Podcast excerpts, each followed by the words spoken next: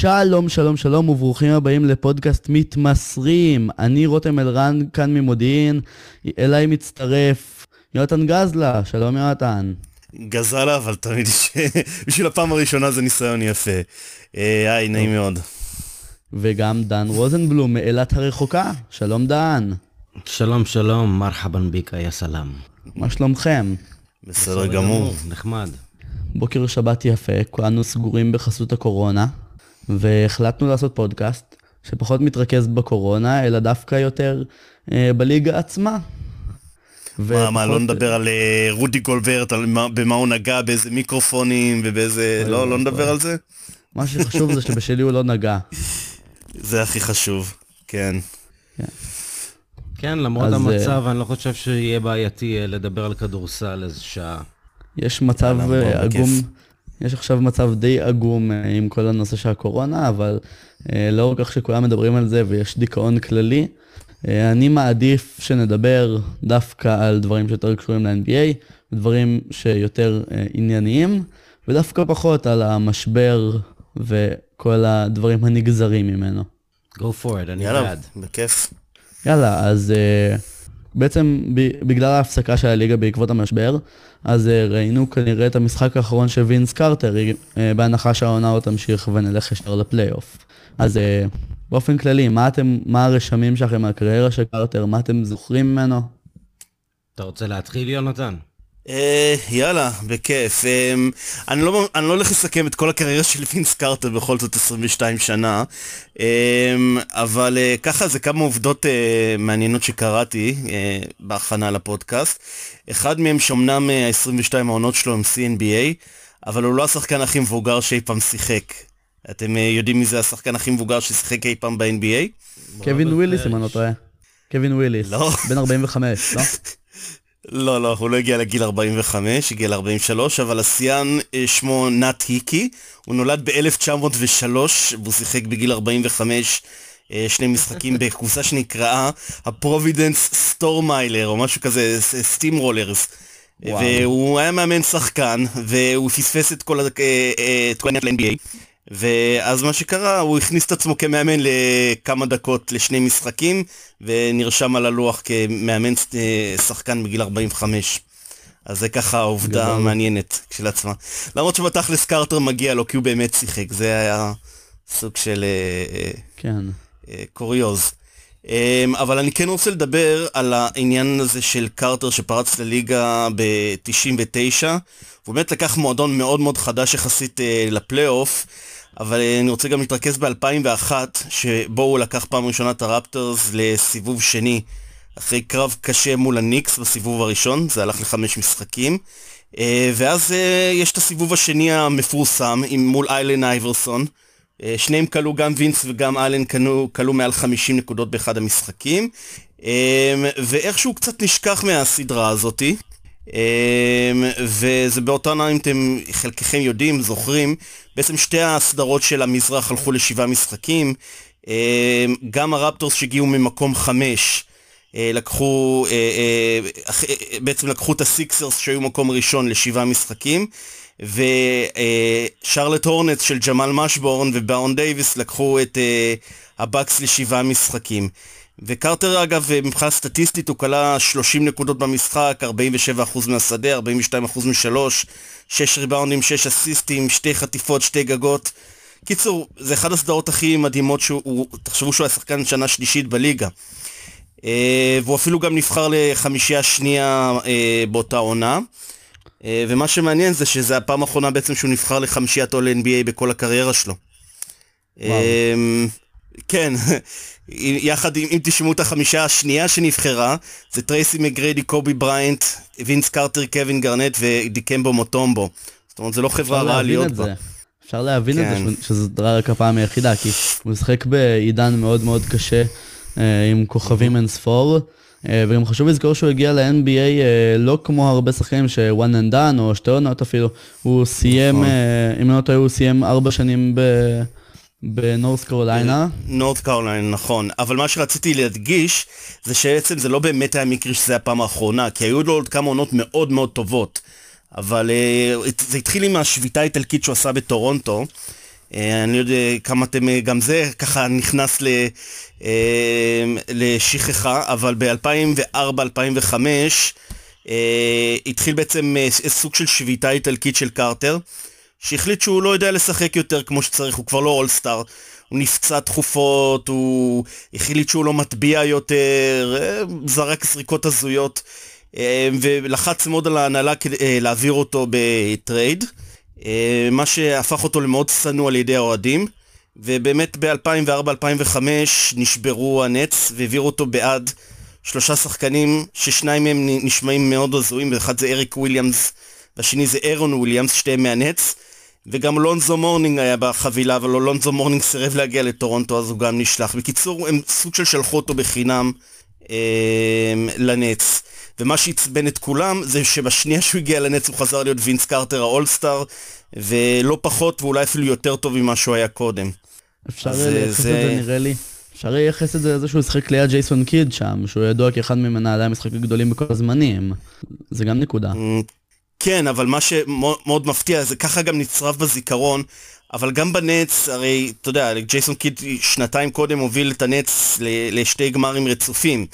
אה, וכעיקרון סוג של החלפת את קמבה, את אה, קמבה, את אה, איך קוראים לו, קניון מרטין בווינס קרטר מבחינת הכוכב השני, אז היית מצפה שהנץ ילכו מאוד רחוק. אבל צריך לזכור שגם בשנים של, ה, של וינס קרטר בנץ, ג'ייסון קיד לא, עדיין היה כוכב, אבל הוא כבר לא היה מה שהוא היה ב-2001 ו-2002, או יותר נכון ב-2002 ו-2003. ודבר שני, התחרות נהייתה מאוד מאוד קשה במזרח. זאת אומרת, אה, מי שקמו לו זה הפיסטונס שהתחילו להיות חזקים יותר ויותר, ואחר כך מיאמי היט הגיעו, לה, הצטרפו לחבורה הזאתי, והמזרח הפך לקצת יותר מאתגר עבור הנץ, אז קשה מאוד להאשים את וינס קרטר בעניין הזה של הנץ.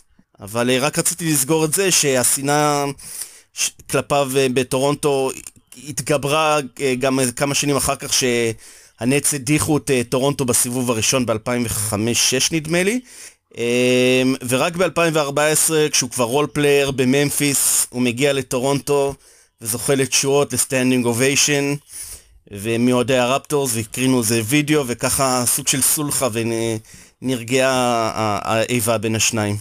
כן, שוב, זה שחקן מאוד מיוחד שהייתה לו קריירה מאוד ארוכה. אני מאמין שבתחילת הקריירה אף אחד לא ממש ציפה שהוא יהיה השיאן של העונות, והוא ישחק בכל כך הרבה קבוצות ובכל כך הרבה משחקים ועונות. אמ, מבחינה אישית ומקצועית הוא לא הגיע להישגים שציפו ממנו להגיע. אמ, היה לו את היכולת האישית, הוא לא הגיע לקבוצות הנכונות בזמן הנכון. אמ, שחקן מיוחד, תשמע, מה, הדברים שהוא עשה במשחק ייזכרו לכולם, גם אם הם רק בשל הווירטואוזיות שלהם, הם ייזכרו לכולם, ויש לו מקום מיוחד בפנתיאון, אם זה לא מבחינה של הישגים אישיים או קבוצתיים. וינס קרטר שחקן מיוחד שמעלה לכולם אה, חיוך על השפתיים ומזכיר להם כמה אפשר להשתאות ממנו ומהיכולות האתלטיות של, של השחקנים הנפלאים האלה. כן, אני מאוד מסכים עם זה. אה, לאור זה שלא הייתי כל כך קיים כשהוא התחיל לשחק, אה, אבל כרגע קרטר די החיה את המורשת שלו, את המוניטין שלו מבחינת זה שהוא בעיקר שימש כמנטור לצעירים בחמש השנים האחרונות, והיה שחקן אה, מאוד חיובי בחדר הלבשה, וזה דבר שמאוד תורם, במיוחד אחרי המוניטין הרע שיצא לו אחרי השביתה האיטלקית. דני, מה היה אילו לדעתך, כאילו, תן לי איזה סצנריו של אילו הדבר הזה או, או אחר היה קורה, הקריירה שלו הייתה נראית אחרת. מצחיק אותי שאתה קודם כל הזכרת את העונה הזאת ב-2001 עם, עם הניקס ופילי, כי אותה קבוצה של הרפטורס, היו לה הרבה שחקנים שהגיעו מהניקס. אם אתה זוכר את הסגל הזה, היה בה את צ'ארלס אוקלי, ואנטוני דייוויס, נכון. ואלווין וויליאמס, קריס צ'יילס, ג'רום וויליאמס. זה שחקנים ששיחקו בניקס כמה עונות לפני, והם עשו איתם כמה מהלכים. אם, אה, אם אני לא טועה, שיואינג עזב את הניקס, זה עבר דרך טורונטו עד סיאטל, לא, לא. משהו כזה עם אורלנדו. הוא הגיע לאורלנדו, anyway. אם אני לא טועה. כן, הוא הגיע איכשהו כן. לאורלנדו, אבל זה היה טרייד ממש מסובך שעבר דרך כל מיני קבוצות. אה, אבל היה היסטוריה בין שני הקבוצות. כן, זהו, קל לשכוח את זה, אבל גם חכים שיחק בשלב מסוים בטורונטו. כן, נכון, טורונטו, אה, אה, היו שם הרבה שחקנים שעברו, וגם אלונזו מורנינג היו לו כמה דקות שהוא שיחק במדים של טורונטו, למרות שהוא גם לא רצה לשחק, אה, גם בגלל התקופה, טוב, אני חושב שהוא עם הכליות, אז היה לו איזה אה, משהו עם הכליות. אני חושב שזה היה יותר מאוחר באזור, שהוא הגיע לניו ג'רזי. כן. אה, כן, אולי בסבב, ייתכן. כן, כן. כן, וינס, אבל וינס מה היה לא קורה אילו... כן. הוא, כן, אילו, אילו אם לווינס היה בק- עם הקבוצה הזאת, אם היה לו עוד second guard יותר טוב ממוריס פיטרסון, איזה shooting guard, אם, אם מגריידי היה נשאר איתו ברפטורס, אם, אה, לא יודע, הוא היה מחכה לרפטורס עוד עונה שניים ו- ובוש היה מגיע. אה, יש הרבה אימים, אבל אי אפשר לשחק בזה, זה היפותטי לחלוטין. אה, יש לווינס קרטר הרבה מה להיות גאה בקריירה שלו. גם אם זה בזכות הטבעה אחת, או, או שתי הטבעות, או 500 הטבעות, זה עדיין אחלה דבר להיזכר בו, אם אתה בפנתיאון ואנשים מדברים עליך.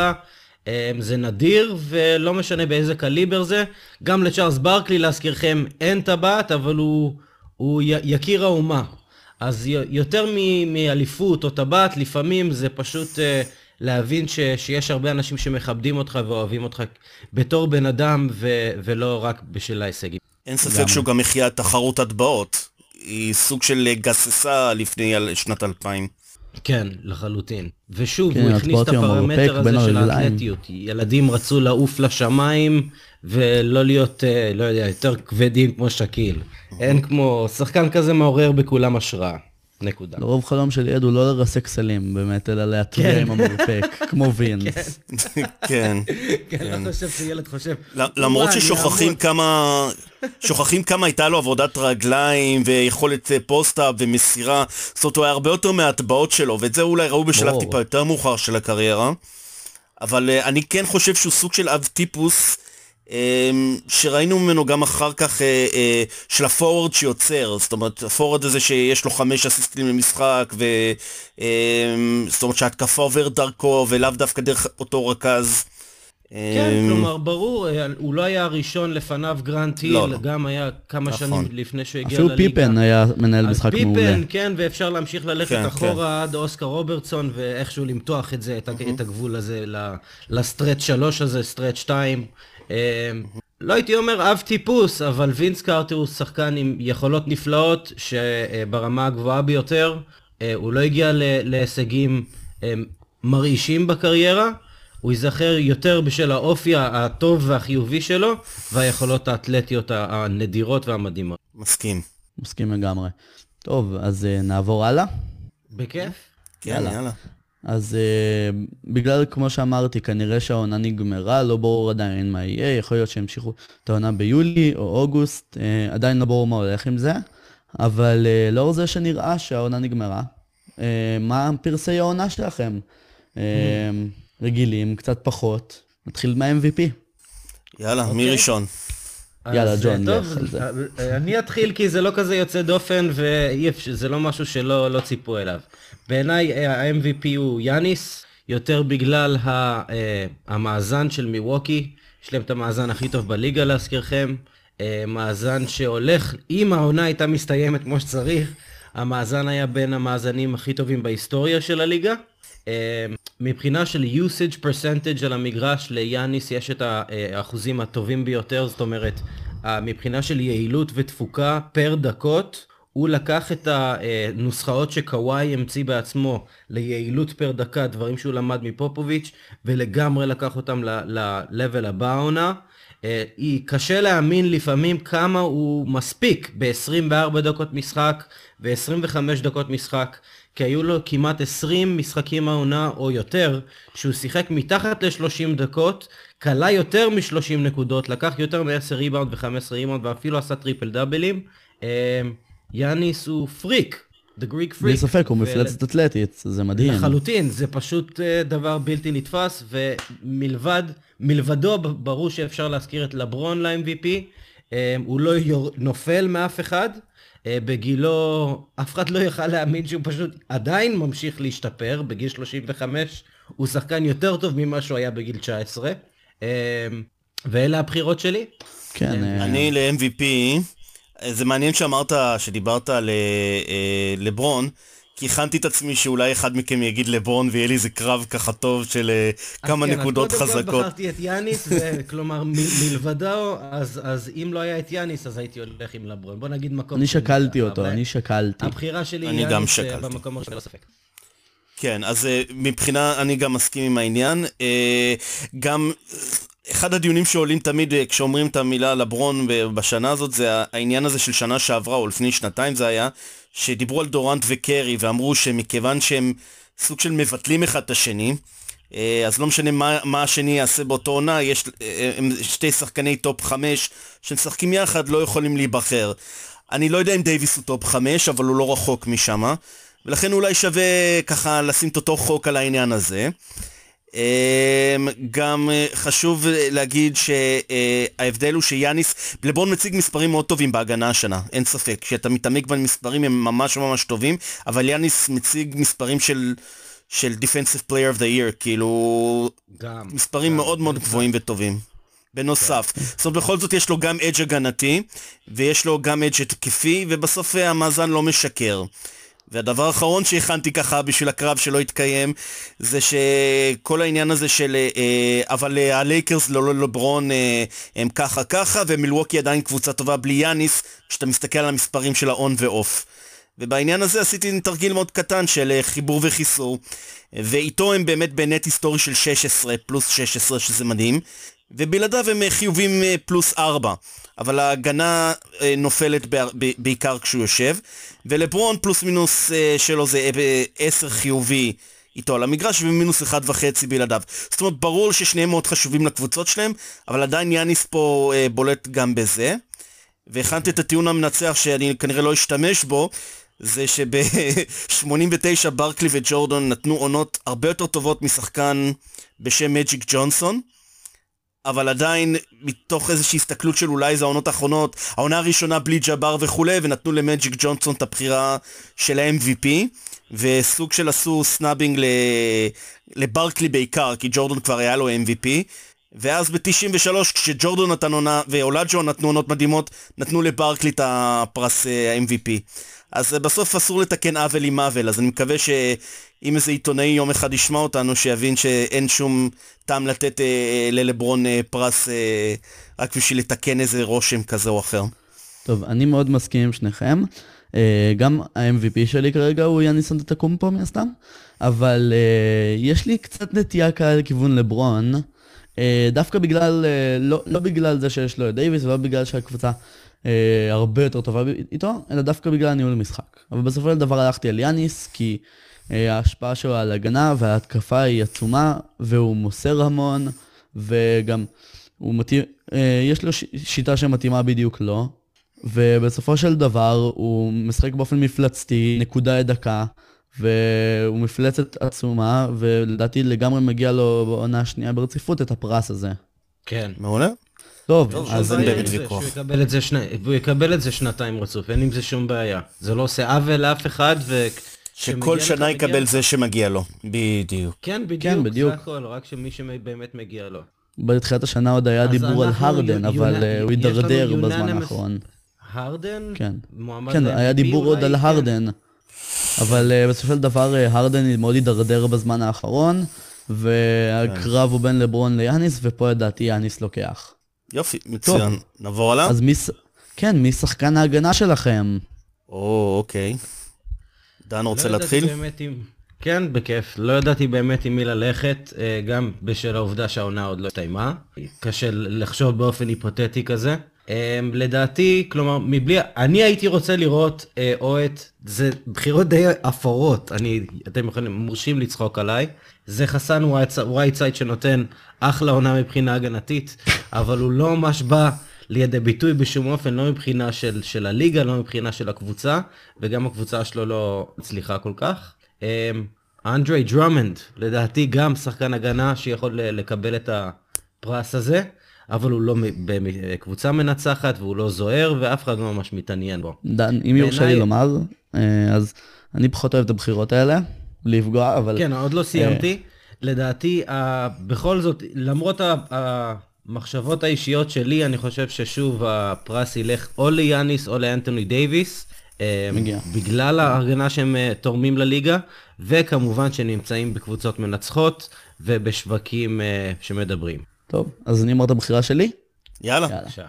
טוב, אז uh, אני בחרתי דווקא שחקן שפחות, uh, הוא פחות אה, נחשב בדיונים האלה של אה, שחקן ההגנה, אבל זה שחקן שאני מאוד אוהב לראות אותו בהגנה, ושחקן שהוא מדהים בהגנה, וזה לא אחר מאשר מרקוס סמארט, שלדעתי הוא קצת... או, בחירה מעניינת. הוא underrated בתואר הזה, כי ההגנה של בוסטון היא אחת ההגנות הכי טובות בליגה, למעשה היא חמישית בליגה, ברייטינג ההגנתי שלהם. וכשסמארט משחק, ההגנה שלהם לא רק שהיא הרבה יותר טובה, אה, הוא גם יכול לשמור על גבוהים, וההגנה משתפרת ב-1.8 נקודות כשהוא המגרש, לעומת כשהוא הספסל. והוא שחקן שיודע לשמור על גבוהים, והוא גם הצליח לשמור על יאניס, והוא שחקן שהוא באמת שחקן הגנה עצום, אה, וביחס הפוך לגובה שלו, הוא שחקן הגנה מצוין, ואני רוצה אותו שייבחר על זה, כי מגיע לו. מעניין. אני דווקא מאוד לא מקורי, אה, או שהוא בעצם סוג של כן מקורי, כי אני הלכתי על יאניס. והסיבה היא שהוא פשוט המגן הכי טוב בליגה כיום. אה, זה מזכיר לי שוב, אני ככה מסתכל היסטורי תמיד בפרספקטיבה לאחור. אני רואה שב-88 זה היה הפעם הראשונה שמייקל אה, בעצם זכה ב-Defensive Player of the Year. אני לא זוכר אם זה היה הפעם האחרונה, אבל כבר ידעו זה שנתיים שהוא המגן הכי טוב בליגה. אבל uh, בגלל שהוא היה השחקן הכי טוב התקפית, אז סוג של נתנו את זה לגבוהים, או לכאלו שהתמחו בהגנה וכדומה. אבל בסוף כשמסתכלים על המספרים, uh, אז נכון, אנטוני דייוויס ורודי גובר, אגב, עוד שם שלא נשמע פה, הם בהחלט uh, מועמדים ראויים בעיניי. Um, אבל יאניס פשוט ראשון בכל קטגוריה שבודקים. ווינשרס הגנתי, הנטו באחוזי קליעה בין uh, מה שהקבוצה קולט למה שהיא סופגת. אמ, למשל הגנה על טבעת, היחס בין ההגנה שהוא על המגרש ומחוצה לו. זאת הדבר היחיד, הנקודת החולשה היא, היא גם לא נקודת חולשה, אבל uh, ההגנה שלו על קשת השלוש היא טובה מאוד, אבל היא לא הכי טובה. זאת אומרת, הוא לא בליגה של קוואי, או אפילו אנטוני דייוויס בעניין הזה, מצליח להוריד את האחוזים משלוש uh, של, הק- של הקלעים שהוא שומר עליו. אבל בסוף, אתה יודע, המספרים מדברים בעד עצמם וקשה להתכחש לזה. כן, אה, באמת, אה, זו בחירה באמת אה, שראיתי שהיא, הרבה, שהיא מאוד פופולרית להרבה אנשים. יכול להיות שזה, שהוא יהיה שחקן ההגנה, אבל אני אישית מעדיף את סמארט, כל אחד ובחירתו הוא. אוקיי, בסדר גמור, מצוין. טוב, דן, אתה רוצה ללכת על שחקן ההתקפה הטוב בליגה? אה, שחקן התקפה טוב בליגה, אה, כנראה שזה ג'יימס ארדן. אה, אם יש שחקן שמקבל את הכדור כל הזמן, והכדור רק אצלו, וארבע שחקנים אחרים כמעט ולא נוגעים בו, ויש לך אשראי מהמאמן שלך לזרוק 60 פעם לטבעת, אז ג'יימס ארדן הוא שחקן ההתקפה הטוב בליגה. מלבדו, שוב, המפלצת, הגריק פריק, יאניס אנטנטקומפו, אי אפשר לעצור אותו. אני מסכים אגב, שגם אצלי זה היה ג'יימס ארדן, גם אני בחרתי בו. הוא סיים קצת חלש, אבל uh, אני לא זוכר uh, כל כך הרבה שחקנים בהיסטוריה של הליגה שקיבלו שמירה כפולה ברגע שהם עברו את החצי. Uh, ומתוך, כן. לא מתוך רק פחד ממנו, מתוך הבנה שזה מה שמוריד את היעילות ההתקפית של יוסטון, שזה דבר מדהים. כן, הרדן אני דווקא פחות אוהב את הזאת בגלל שהיו לו עכשיו, היה לו עכשיו סטריק מאוד יחסית ארוך ומאוד מאוד שלילי. Mm-hmm. אז uh, אני בחרתי נכון. אותו שחקן התקפה, uh, מישהו שהוא uh, לדעתי השחקן התקפה הכי טוב בליגה כרגע, וזה לברון. כי לא בחרתי בו ל-MVP בגלל שיש לו הגנה פחות טובה מיאניס, והוא שחקן הגנה פחות טוב. אבל uh, לדעתי שחקן ההתקפה צריך להיות לברון, בגלל uh, שלא רק שהוא קולע כמעט בו, באותו קצב כמו בכל העונות האחרונות, והוא מפלצת בגיל 35, אלא גם שהוא uh, מאוד שיפר את ניהול המשחק. וזה דבר שהוא עדיף בו על הרדן, והוא מאבד פחות מהרדן, והוא מוסר הרבה יותר, מוביל את הליגה מאסיסטים, כי הוא הוא, small forward שמוביל את הליגה באסיסטים, וזה דבר שחשוב לזכור, ולדעתי הוא צריך להיות השחקן התקפה של העונה, ולא הרדן, ש, שכמעט חצי עונה שיחק באופן רע מאוד וקלה באחוזים נמוכים מאוד. אתה יודע מה? שכנעת כן, אותי, לבור... אני לא צוחק איתך. כן, גם, גם אני השתכנעתי קצת, כי לברון הרבה יותר טוב להתקפה באופן כללי, לקבוצה שלו. הוא מוביל התקפה נכונה וכולם משחקים התקפה יותר טובה עם הנוכחות שלו ולצידו, אבל כן, הוא לא בדיוק הרדן שהוא אה, קבוצה של איש אחד. אה, לא, אבל דן, מה, מה, היית, מה היה קורה אם היינו מחליפים ביניהם בקבוצות? אם הרדן היה מגיע ללייקרס ולברון ליוסטון? אתה חושב שלברון היה... יוסטון היו הרבה יותר טובים. אני חושב ש... יוסטון היו הרבה יותר כן. טובים והלייקרס היו קצת אבודים, כן, כל הכימיה שה- שהייתה בלייקרס הייתה מתחרבשת, ויוסטון הייתה מתחילה אה, להתחבר, כי זה האופי שלהם, אחד הוא מנהיג מטבעו שיודע איך להזיז את כל הכלים על, ה- על הלוח, והשני הוא סך הכל מגיע לאולם ועושה את הסלים שלו. כן. כן. טוב, אז- בסדר גמור, נעבור הלאה. אם מדברים כבר על שיפור, אה, אני קצת התנתק לי השידור, אני לא שמעתי את הבחירה שלך, יונתן, ל defensive player. אני... אה, אה, יאניס. יאניס, כן, אז בינתיים אנחנו, כן, יאניס, יאניס, יאניס, אוקיי, לפחות את הרוקי של העונה הוא לא יכול להיות. טוב, לא, מדברים על לא, שיפור. אה, למרות שאתה יודע, אם הוא היה נשאר ארבע שנים והיה עושה רדשרט בשנת הפרשמן שלו, אז אולי כן, אבל אה, לא. כן. טוב, אז מדברים על שיפור, אז מי השחקן המשתפר שלכם? יאללה, דבר ג'ון, אני אלך קודם? מה שאתם רוצים. יאללה, טוב. אה, אז מבחינתי השחקן המשתפר אה, זה או ג'ייסון טיידם או ברנדן אינגרם, ככה התלבטתי בין השתיים. אה, לא כי באמת אכפת לי ממספרים, כי לפעמים עלייה בדקות משחק או שינוי תפקיד, די עושים את ההבדל. אז ההגדרה שלי בעיקר מבחן העין, מי ממש ביצע שיפור ביכולת שלו, עושה דברים שלא עשה קודם, אה, דברים בסגנון הזה. ואני בחרתי את ג'ייסון טייטום. אה, אה, גם אני נותן עדיפות לשחקן שנגיד הפך משחקן טוב למצוין. על נגיד שחקן שהיה בינוני או סביר, כמו דבונטה גרם, והפך לשחקן טוב בליגה. זאת אומרת, אני, אני, אני מר- מרגיש שהמעבר הזה בין טוב מאוד למצוין הוא הרבה יותר קשה. אה, ולכן בחרתי ג'ייסון גם טיידום. מה ש- כן. אה, גם בחירה בשחקן שנה שנייה היא פחות עדיפה, בגלל שצפוי ממנו לבצע נכון. ש- ש- שיפור טבעי. טוב, נכון, אז דן, נכון. דן, מי הבחירה שלך? כן, אל, אלה בעצם ההגדרות גם של, ה, של הפרס הזה, מחפשים את קפיצת המדרגה הגדולה ביותר, לא בהכרח את קפיצת המדרגה המשמעות, כלומר, את, בדיוק כמו שהסברת, וג'ייסון טייטום עולה להגדרה הזאת. אה, אני גם בחרתי בג'ייסון טייטום ל-most improved player of the year, הוא כמעט הוסיף תשע נקודות לממוצע נקודות שלו למשחק, דיברנו על זה גם בפוד הקודם, מאז העזיבה של קובי הוא שחקן אחר. אה, הוא נראה... קיירי. בעיקר.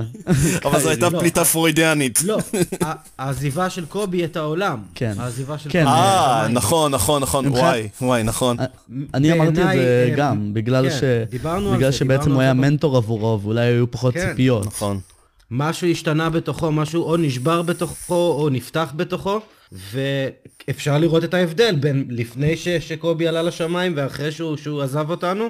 אה, ג'ייסון טייטום השתנה, הוא העלה הילוך, הוא פשוט הפך לשחקן, לסקנד גארד לגיטימי בכל קבוצה בליגה, אה, ומלבדו, אה, באמה דה ביו, גם יכול לקבל את הפרס הזה בכבוד. שוב, נכון. כמו שאתה ציינת, השיפור ההדרגתי של טייטום הוא קצת יותר רחב, כלומר הוא עשה קפיצת מדרגה גדולה יותר משל הדה-ביו, אבל גם הדה-ביו אה, מציב את עצמו היום כשחקן אה, חשוב, שהרבה קבוצות היו רוצות לראות ו- וליהנות מהכישורים שלו, אה, ואלה הבחירות של מיינר. טוב, חכה, חכה, גם אני. טוב, אז אה, דן עכשיו ציין אותו בדיוק, את בם, אז אה, זה הבחירה שלי. כי אה, לדעתי, אה, כן, טייטום משתפר מאוד, ב, בעיקר בזמן האחרון. בם, אה, הוא באמת, היה לו שינוי משמעותי בתפקיד. אמנם הוא היה סנטר פותח גם בעונה שעברה, אה, על פני וייטסייד, אבל אה, העונה, אדבאיו הוא שחקן הגנה מדהים, הוא שומר אחד הטובים בפרימטר, אפילו כסנטר, והוא השתפר יותר משבע נקודות למשחק, שלושה ריבאונדים, שלושה אסיסטים. הוא השתפר בכל זה, לא, זה לא רק המספרים שלו, והוא משחק עכשיו מצוין, והוא גם קולע באפקטיביות מאוד גבוהה, למרות שהוא לא זורק שלשות, וקולע באחוז לא הכי טוב מהעונשין, וזה שחקן שלדעתי כל קבוצה רוצה שיהיה הסנטר הפותח שלה, כי הוא יכול לעשות הכל, חוץ מלקלוע משלוש, אבל הוא באמת נראה לי המודל של, אה, של הפאור פורורדים של העבר, כמו קווין גרנט, אה, זה בדיוק אותו מודל, אותו מבנה של שחקן.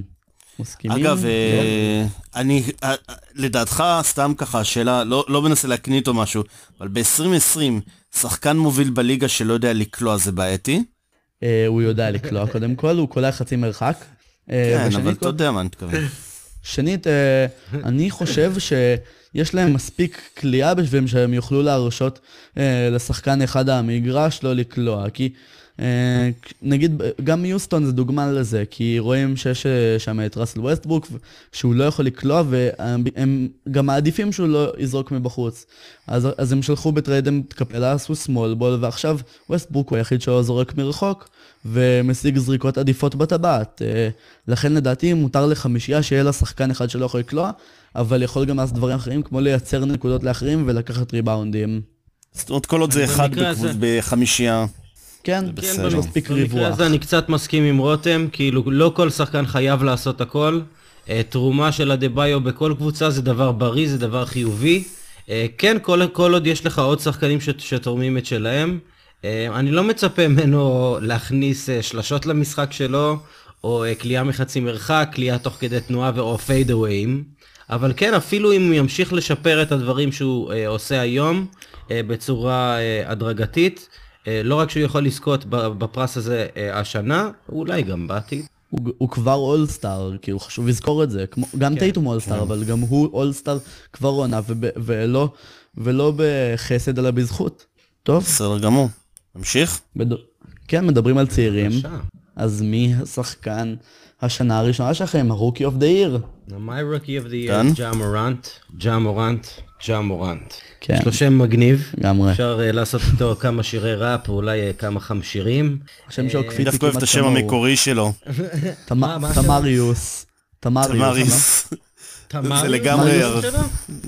תמריוס זה ג'מאל? מורנט. תמריוס. כן. תמריוס? כן. זה מצחיק. תמריוס ג'מאל מורנט. שם של בלש ברצח מאדום לשחור. נשמע כמו מלך אה, כזה, מלך רסטפארי, זה שם של מלך רסטפארי כזה, לפחות כן. בעיניי. אה, שמע, הוא franchise player, יש לו ראש על הכתפיים, יש לו אמביציה נכונה, אה, המוטיבציה שלו במקום הנכון, הוא רוצה ליצור אימפקט על המשחק הזה, הוא רוצה להיזכר. יכולות אתלטיות מדהימות, ניהול משחק נכון, הוא חכם, הוא זריז, אה, לא יותר מדי אגו, יש לו בדיוק את מידת האגו שאתה מצפה משחקן ברמה שלו. אה, ואילולא הפציעה של זיון, אם זיון היה פותח את העונה אה, ומשחק לאורך כל אורכה, והיה ממשיך להציג את מה שהוא הציג לנו בשבועות ממש האחרונים לפני שהליגה הופסקה, קרוב לוודאי שזיון היה hands down ה rookie of the year. כן, אבל זה רוקי ש- העונה, לא רוקי ה-20 משחקים. בדיוק, זה רוקי העונה, זה לא... the best ability is availability.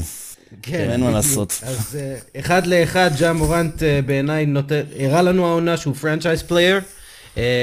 כולם חמים עליו, מבחינה שיווקית הוא נהדר בשביל הארגון, ו rookie of the year בשבילי. מסכים לגמרי, גם- גם הסיבות שלי. אה, ג'ון, אתה גם בחרת אותו? אותו כנ"ל, אותו כנ"ל. אני גם מוסיף שיש בממפיס אווירה מגניבה, באמת, הם אה, סוג של קבוצת League Pass, אה, והם מש- הם מתל- משחקים בהתלהבות כמו קבוצת קולג', וזה ממש יפה לראות את זה. אה, זה עדיין אגב לא מתבטא במספר צופים, בדקתי את זה כי הייתי סקרן. אותו מספר צופים אה, ב Smoothie King אה, Arena, וגם במשחקי חוץ, אבל אני חושב שזה כן יגבר בשנים הקרובות, אם יהיה לזה המשכיות.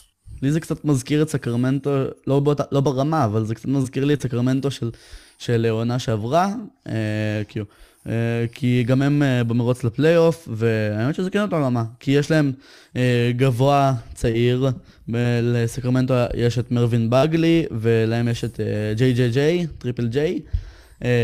ויש רכז כזה אקספלוסיבי, מהיר, חזק, לסקרמנטו היה דיארון פוקס, ועדיין יש להם, ועכשיו לממפיס יש- יש את ג'ה.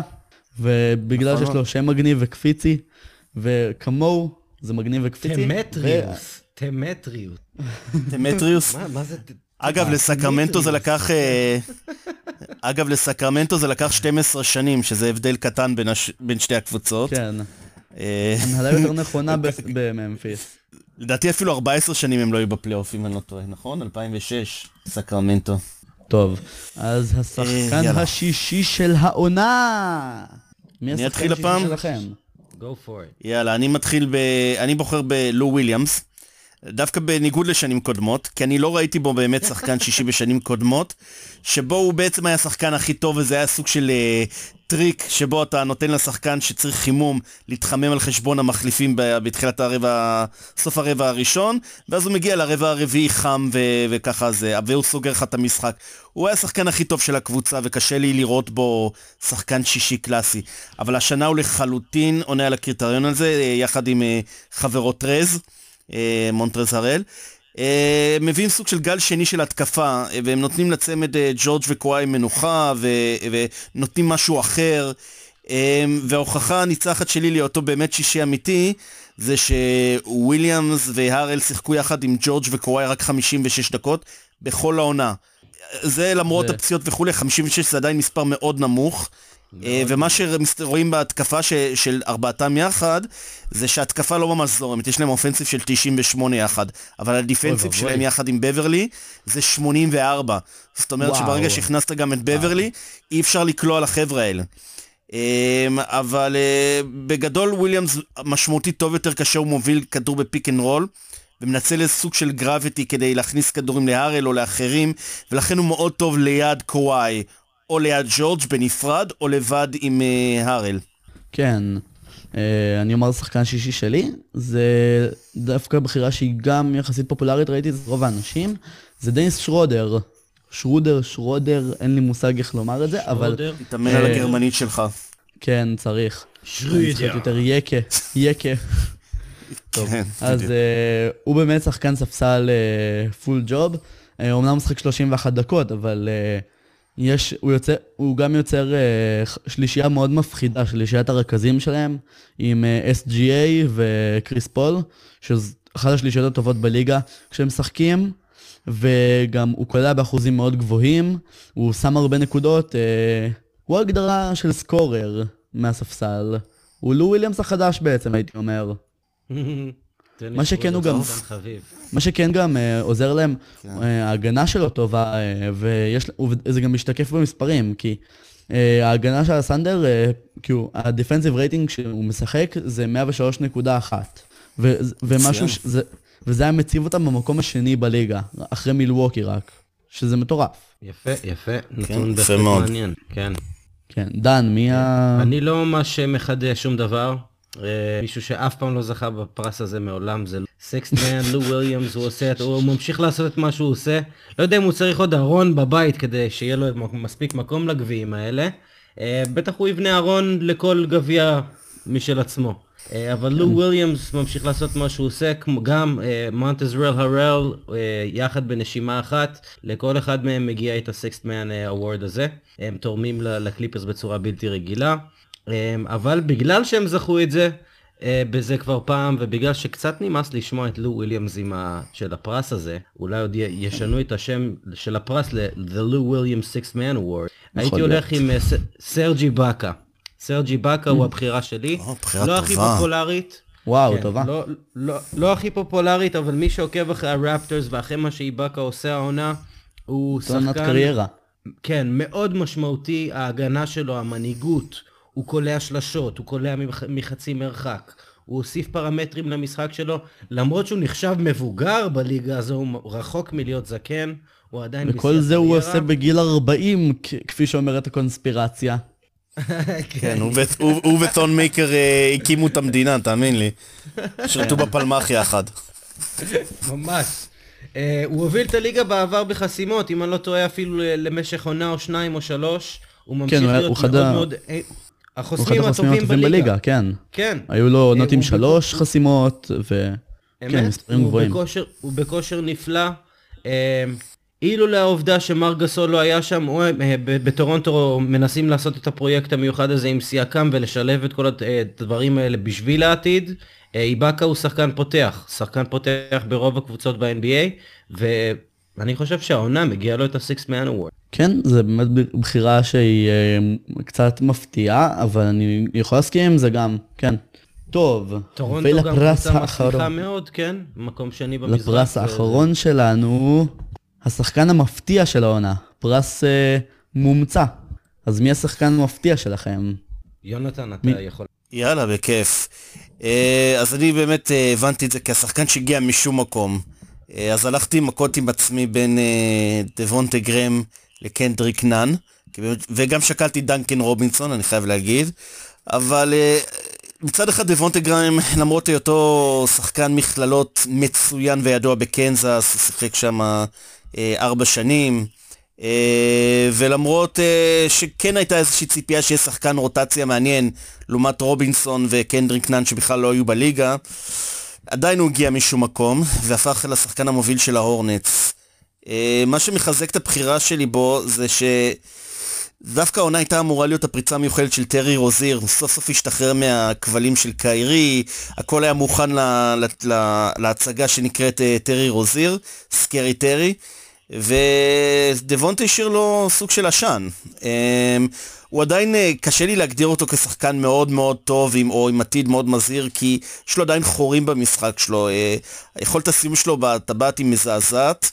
אה, הוא כלל מאוד טוב מבחוץ. כן. אבל המעבר משחקן ספסל שמקבל ממש פירורים לפוינט גארד שבונים עליו את, כאילו, את העתיד, זה בעיניי מאוד מאוד מפתיע. אף אחד לא ראה את זה מגיע. Mm-hmm. טוב, אז אני אומר את שלי. אני קצת רימיתי פה, אה, ושמתי צמד. אה, אפילו שלישייה זה יכול להיות, כי אה, שמתי דנקן רובינסון וקנדריק נאן, ואם אני, ולא רציתי מאוד לרמות, אז לא שמתי שם גם את, טיילר הירו, שגם יכול להיות שם. אבל זה צמד, זה צמד של מיאמי, אבל הם יחסית מבוגרים לוותק שלהם, כי נאן הוא רוקי, והוא בן 24 כבר, ורובינסון אה, כמעט לא שיחק בעונה הקודמת במיאמי, אבל הוא כבר בן 26 עוד חודש, אבל שני... גם גרם אגב, הוא בן 25. כן, זה שזה, שחקנים, כן. שחקנים שהיו כמה שנים במכללות, שחקנים שהם אה, לא מוערכים מספיק.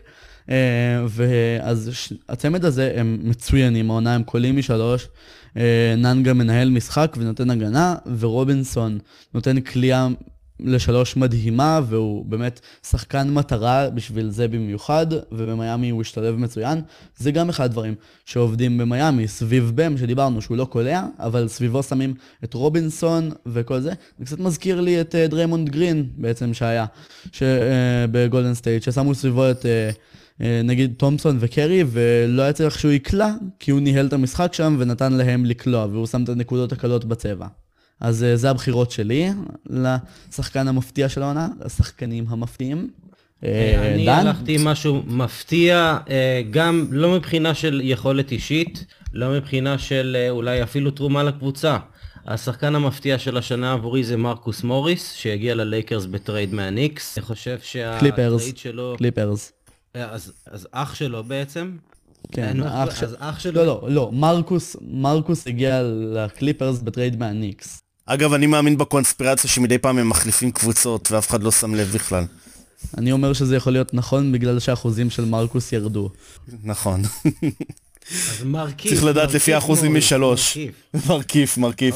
אבל לפי האחוזים משלוש צריך לדעת מי האח. אז הבחירה התבטלה לי לגמרי, כן, טוב, אז זה קצת בטל. ניחא, לא, לא, דבר, דבר. דבר, דבר. אה, כן, לא, טוב, זה מרכיב. זה לא מרקוס, זה לא אותו שחקן, אני באמת התבלבלתי ביניהם. אמ, אבל אני חושב שה trade שלו ללייקרס יהיה מאוד משמעותי. אם היה לנו פלייאוף, אז... אם יהיה לנו פלייאוף, אז זה יהיה מאוד משמעותי. אמ, זאת תהיה הפתעת העונה. בעיניי, במהלך משחקים של פלייאוף הוא יודע מה לתרום. הוא שחקן אה, שיודע להוריד את הראש ו... to knuckle his fist together ולתת את, את הכי טוב שיש. הפתעת העונה בעיניי, כי הוא הגיע בטרייד קליל, לא, והוא יהיה אני, מאוד אני לא, מאוד חשוב אני... בדקות האחרונות בפלייאוף. לא רוצה להיות מעצבן, אבל uh, תיקון קטן, שיהיה ברור. Uh, מרקיף, uh, אם אני לא טועה, פתח את העונה באוקלהומה סיטי, היה לו, עשו waiver, ואז החתימו אותו כ free agent בלוס אנג'לס, בלייקרס. כן, אז יש, יש חורים בעלילה שלי. כן, יש לי חורים בעלילה. זה מסובך, עלילות האחים מוריס. אבל אם כבר, אם כבר קטגוריה שהמצאנו, אז גם אה, המצאתי את אה, תנאים מיוחדים לקבלה של הפרס, אז בעיניי זה מרקיף. טוב, ועכשיו אנחנו, אנחנו נכנסים לישורת האחרונה של הפודקאסט, וכל אחד עכשיו ייתן לכבוד סיום העונה את uh, מניה אחת שלו שהיא בעלייה בליגה, ומניה אחת בירידה העונה. טוב, דברו. אני אתחיל? כן, אז uh, הרעיון במניה היה בעצם לבחור או קבוצה או שחקן או סוג של מגמה בליגה. שהיא בעלייה ואחת שבירידה. אז מבחינתי בעלייה, משהו שאי אפשר להתעלם ממנו השנה, זה באמת הפורוורד היוצר. זאת אומרת, mm-hmm. אם מסתכלים מאחד עד, נדמה לי שלוש או ארבע במזרח, ואחד עד אה, שלוש במערב, אנחנו מזהים שלכל קבוצה יש אחד כזה עילי, זאת אומרת לברון ויאניס וקוואי שהשנה סוף סוף הפך לאחד כזה אה, מבחינת היכולת מסירה שלו, אה, וסיאקום בטורונטו, ואפשר גם להגיע לבן סימונס כסוג של פורוורד סלש רכז, אבל אנחנו רואים שיש מגמה כזאת, נכון, בדיוק. יש ממש מגמה כזאת שהולכת וגוברת, וכשמסתכלים בדראפט אנחנו רואים ששחקנים שהם ווינגים, אה, שפעם אה, היו מתעסקים הרבה עם אה, כל הנושא של לעמוד ולקלוע, לעמוד ולקלוע ולחכות לכדור בן שלוש, יש עכשיו איזושהי נטייה לנסות להראות שאתה גם יודע לעשות משחק, ואנחנו נראה לדעתי את המגמה הזאת מתחזקת ממש בשנים הקרובות, גם מתוך איזושהי חשיבה שהשחקנים שהם הכי skilled במגרש הם בדרך כלל הגארדים. ואם אתה משחרר את הגארד שלך מלכדרר, אתה בעצם מאפשר לו כל כך הרבה דברים בהתקפה, מתנועה ללא כדור, מבאמת ריצה לקשת השלוש, אה, וכל מיני דברים שהם בעצם הופכים את המשחק ללא צפוי אה, ויותר מאיים בהתקפה. ולדעתי נראה התחזקות של זה. המניה שבין... אתם רוצים לעשות קודם את המניות שעולות ואז את היורדות, או שאני אגיד גם את זאת שירדה? כן. נעשה קודם כל עולות. יאללה. יאללה. אז... זאת שלי? כן. כן. טוב, אז uh, אני לקחתי uh, שני דברים שקשורים קצת אחד בשני, ושהתחברו לכדי מניה אחת. שהראשון זה ג'ימי באטלר, שמראה את הערך של העונה, והשני זה הגנה אזורית. ששני הדברים האלה בעצם מאוד קשורים אחד לשני, כי השנה במיאמי בעיקר היה את הטרנד הזה שהשתמשו יותר ויותר בהגנה אזורית, ביחד עם טורונטו, אה, גם הם השתמשו בשיטה הזאת, וזה דבר שמגביל חדירות פנימה, וגם אה, יש מגנים מעולים ואתלטיים שמגבילים שלשות, אה, וזה טרנד שאנחנו רואים שהולך וגובר, וחלק גדול מהדבר הזה במיאמי זה ג'ימי, שהוא שחקן הגנה מדהים, והוא אחד האחראים לזה שאפשר להריץ את השיטה הזאת. טוב. המגמת עלייה שלי זה היעדר אגו, היעדר של אגו והפחתה באגו של השחקן אה, מבחינה קבוצתית, ארגונית וספורטיבית. אה, לאחר הדור של הריאליטי, וראינו בשנים האחרונות הרבה שחקנים עם פאסון והרבה רעש תקשורתי סביבם, אם זה ברשתות חברתיות ובפאסון של אה, אינסטגרמיות ודברים כאלה, גילינו שזה לא בדיוק תורם, לא לארגון, לא לספורט ולא לשחקן עצמו. אז אני חושב שמגמת עלייה לקראת העתיד זה שחקנים עם אגו קצת יותר צנוע, מרוכז כלפי פנים, שהפוקוס שלהם הוא על כדורסל, פחות על... יש לך כמה דוגמאות אגב? Um, וואו, יש יותר מדי.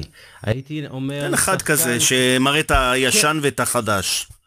בוא, בוא נגיד קלי אוברי ג'וניור חושב שהוא מינימום אה, דוקטור ג'יי. זה, זה שחקן שהוא בטוח שהוא כבר דוקטור ג'יי, הוא ממש legend, קלי אוברי ג'וניור. אבל שחקן מצוין, שחקן מצוין. הסיוט שלו, הוא הולך מבחינתו, היית שואל אותו אם הוא השחקן הכי טוב בעולם? כן, אני יודע מה אמביד אומר, אבל הוא יגיד לך כן, ולדעתי זה, אין לזה שום מקום בכדורסל, כי לא רק שהוא יכול להאמין מבחינה פיזית, הוא גם צריך להשמין מבחינה של הקרבה עצמית ו- ובגרות uh, נפשית, וזה מה שהייתי רוצה לראות פחות בליגה. לדעתי זו, זו מגמה שבעלייה של פחות רוצים לראות שחקנים שחושבים שהם כוכבים, אלא שחקנים שהופכים את עצמם ומשקיעים את העבודה שעושה אותם כוכבים. הדוגמה הכי טובה לזה זה קוואי. זה קוואי זה דוגמה, לא? נכון. זיון, זיון וויליאמסון. כן, הוא מאוד צנוע, והוא נחמד כזה עם החברים של הקבוצה, נראה חבר קבוצה טוב. אה, קוואי אבל כאילו, אה, לא רק שהוא ש... שותק הרבה, אבל אה, הוא לא עושה סיפור גדול מזה שהוא כוכב, הוא הכי צנוע, אבל... וזה יפה לראות את זה. זה באמת טרנד שאני אוהב שמתגבר עכשיו בליגה. כן, אפילו אמביד שתק קצת השנה. כן, שאופי ופסיכולוגיה אישית יכולים להפוך לטרנד, אז אני לא בדיוק כמה זה טוב יהיה לבני אדם, כי הם כבר יתחילו לשווק את עצמם בדרכים אה, אחרות, אבל uh, הרבה יותר לאנשים להתקרב אל אדם שהוא לא יהיר ולא שחצן ולא uh, מתלהב בציבור. מאשר כזה שהוא לא, שיותר מאופק, משפחתי, צנוע וענב, אנשים מתחברים לזה הרבה. אחת הסיבות, אה, אם מי שקורא את הכתבות שלי מדי פעם, יודע שהשחקן האהוב עליי הוא לוקה דונצ'יץ', אה, וחלק גדול בזה בא בעיקר בגלל האופי שלו, כי הוא תמיד מחייך, והוא, והוא נראה חבר קבוצה מאוד טוב, והוא משחק כזה עם הנאה, ובגלל אה, שהוא נטול אגו, ו... ו... וזהו, אז uh, הוא נראה לי שחקן שהרבה מאוד אוהבים לאהוב. כן, הוא יש לו חדו... חוש... חדוות כן. משחק טבעית, ולכן הוא מושך, כי החדוות משחק שלו היא אותנטית. אמ, שוב, אנחנו מדברים פה על מניות בעלייה, לא הייתי רוצה שאנשים ימשיכו לזייף את האופי שלהם, כמו שהיו בשנים האחרונות. בדיוק. אלא ש, שבאמת יטפחו את, הכל, את הכלים האלה מתוכם, כדי שהם לא יהיו אה, אה, חלולים או ריקים או מזויפים, כמו כל הדור הגדול הזה של המדיה החברתית. אה, אז ככה שיש הבדל בין לפברק את היכולות האישיות האלה, אלא באמת לטפח אותם וליצור אותם מבפנים בצורה אמיתית. נכון, ועכשיו למניות היורדות. טוב, אוקיי. אז ניתן שלי, או אתה? יאללה, לך על זה. לך על זה. יאללה. אז uh, היו לי שתיים שמאוד מאוד התלבטתי ביניהן, uh, שתיים שלדעתי, שתיים יכולות מאוד נכונות כרגע לליגה, אבל בסוף הלכתי על uh, זאת. אז המניה שאני לא, שאני רואה שהולכת ופוחתת והולכת ונעלמת, זה גבוהים שלא מסוגלים לקלוע או לצאת. להגן בפרימטר. כי עכשיו אחד הדברים הטובים בגבוה זה שאו שיש כאלה שמסוגלים לרווח את המשחק, או שיש כמו אדה-ביו, או הרבה שחקנים גבוהים אחרים, שמסוגלים ללכת לשמור גארדים, אה, דוגמה זה יאניס, ועוד הרבה שחקנים שיודעים גם להגן על הצבע וגם לשמור על הגארדים. וזה למה נגיד רודי גובר, אה, פחות מעריכים אותו, הרבה פעמים בתואר שחקן ההגנה למשל, בגלל שהוא יודע רק להגן על הצבע ופחות לצאת לפרימטר לשמור על שחקנים יותר נמוכים ויותר זריזים. אז uh, גבוהים שלא מסוגלים לקלוע, נגיד, או, או לצאת להגן בפרימטר, נגיד דיאנדרה ג'ורדן, אז אנחנו רואים שהמהלך שלו הולך, שהמעמד שלו הולך ופוחת, ונגיד ג'רט אלן, עכשיו אה, הרבה יעדיפו אותו על פניו בגלל שהוא צעיר יותר, ובגלל שהוא מסוגל להגן uh, על קשת השלוש, וזה דבר שאנחנו אני רואים... יכול לחשוב על uh, שתי שחקנים שלא uh, לא מעדיפים את ג'רט אלן ומעדיפים את דיאנדרה ג'ורדן. מה? שני החברים שלו. ואבוי. גם המאמן, גם... גם המאמן המחליף של הנץ אה, אמר שהוא יתחיל את ג'ורדן על פניו. נראה ש... בוודאי, כי זה אה, השחקן האהוב עליו. טוב, יאללה, אה, דבר, מי השחקן, מה המניה שלך? המניה שלי שבעיניי יורדת, זה כל הסגנון של קיירי. הרכז שמכדרר את עצמו לדעת, אה, ולוקח על עצמו את המשחק. גם מבחינה פיזית, אה, הסיבה לדעתי היא בעיקר בפלייאוף, כי אני חושב שאומנם בעונה רגילה, עד ה... זאת אומרת עדיין נותנים לשחקני חוץ לכדרר ולחדור ומגנים עליהם במגע וכולי, אבל uh, בפלייאוף הדבר הזה טיפה משתנה. ואנחנו רואים שבסוף נותנים להשתמש בהרבה יותר פיזיות בפלייאוף, ולכן זה לא מספיק שהרכז שלך הוא המוביל שלך, אתה צריך אה, לפחות wing או שתיים שמאוד חזקים, ובכל זאת איזשהו גבוה, וזה לא חייב להיות גבוה קלאסי שמשחק בפנים, אבל שיכול לתת לך קצת נוכחות צבע, או לפחות... אה, נקודות מהצבע, בוא נגיד ככה, זה לא משנה אם זה ב post-up ים או בכל מיני דרכים אחרות. אז אני חושב שהמעמד של אה, שחקנים כמו קיירי ירדו עם הזמן. טוב, דן, מה המניה היורדת שלך? המניה היורדת שלי היא בכלל מערכת השיווק של הליגה. אני חושב שהיא חטפה אה, מכה קשה העונה, אה, בין אם זה בגלל אה, המוות של קובי, בין אם זה בגלל הקורונה. אה, הסינים גם. כן, עם הסינים. מתחילת העונה עם דריל מורי. בדיוק, בדיוק. אה, מערכת השיווק של הליגה אה, חטפה מכה אחרי מכה אחרי מכה העונה. אה, בין אם הליגה תחזור העונה, לבין אם, אם תמשיך, אני חושב שבשלב הזה הליגה הייתה מעדיפה שהיא תימשך רק העונה הבאה, שהיא תיפתח רק עונה הבאה, כי העונה הזאת מבחינה שיווקית עבור הליגה היא קטסטרופלית. אה, קשה להם למכור את הליגה כרגע. אה, ההפסקה הזאת, לא אגיד שזה בא טוב, אבל ב-NBA אני בטוח שחושבים המון איך למכור את המשחק מחדש, אה, בין אם זה העובדה שהכוכבים כבר התחילו לעצבן את האוהדים, לבין העניינים הפוליטיים, החברתיים, שקצת נכנסו יותר מדי לתוך המשחק. לבין הכדורסל שהולך קצת לאיבוד עם משחקים כמו טרי יאנג ומשחקים של מעל 130 נקודות לכל קבוצה. הרבה הרבה אוהדים אה, יותר מבוגרים יותר, אני לא בומר, אני רחוק מלהיות, גם יונתן לא, אבל mm-hmm. לא, לא, קהל האוהדים של ה-NBA לא מסתכם אה, באנשים מתחת לגיל 20, ואנשים מעל הגיל הזה קצת נמאס להם מהרבה דברים שקורים בליגה מאופנים, דברים כאלו מסוימים, אז לדעתי מגמת הירידה של הליגה באופן מהותי זה משרד השיווק שלהם. טוב, אני אז... חושב, אני... שנייה, אני רוצה להוסיף משהו אחד אחרון על מה שדן אמר. אמ, אני חושב שהליגה כבר כמה עונות די נסמכת על הכוכבים שהובילו אותה, והיא לא הובילה את הכוכבים. והיה לזה, היה בזה משהו מאוד מרענן בהתחלה, אבל כמו שאמרת גם במניות של, אה, שבעלייה על הנושא של אה, שחקנים שהיו ב social media כל הזמן, אני חושב שבאיזשהו מקום זה עשה בומרנג, כי כשהם רצו לשלוט על הנרטיב הם כבר לא יכלו. ואני חושב שגם בעניין הסיני זה היה דוגמה מצוינת שיש לך שחקנים שיש להם אינטרסים כלכליים בסין אה, ויש לך שחקנים שמנסים להוביל אג'נדה מסוימת ואג'נדה אחרת. אני חושב שזה די יצא משליטה ואני חושב שבמידה רבה גם אה, היכולת של הליגה להשתלט על הכותרות בין אם זה בתוכניות כמו פרסט טייק של ESPN שמדברות על הליגה אה, מאוד מאוד פחתה. זאת אומרת, בסוף אה, הם יכולים לדבר על לברון 70 תוכניות ברצף, והליגה לא יכולה לעצור את העניין הזה כשהקבוצות הקטנות בהידרדרות. בדיוק, פשוט ככה. מסכים. טוב, אז uh, יש לכם משהו לומר, להוסיף? היה נחמד. כן, נחמד, כן? לא רע, היה... נחמד, דווקא נחמד. טוב, אז פה נסכם את הפרק שלנו היום. תודה לכל מי ששמע והאזין. אני הייתי רותם אלרן, איתי יונתן גזלה, גזלה, סליחה, הפעם אמרתי את זה נכון, ודן רוזנבלום. שבוע טוב לכולם. תודה רבה.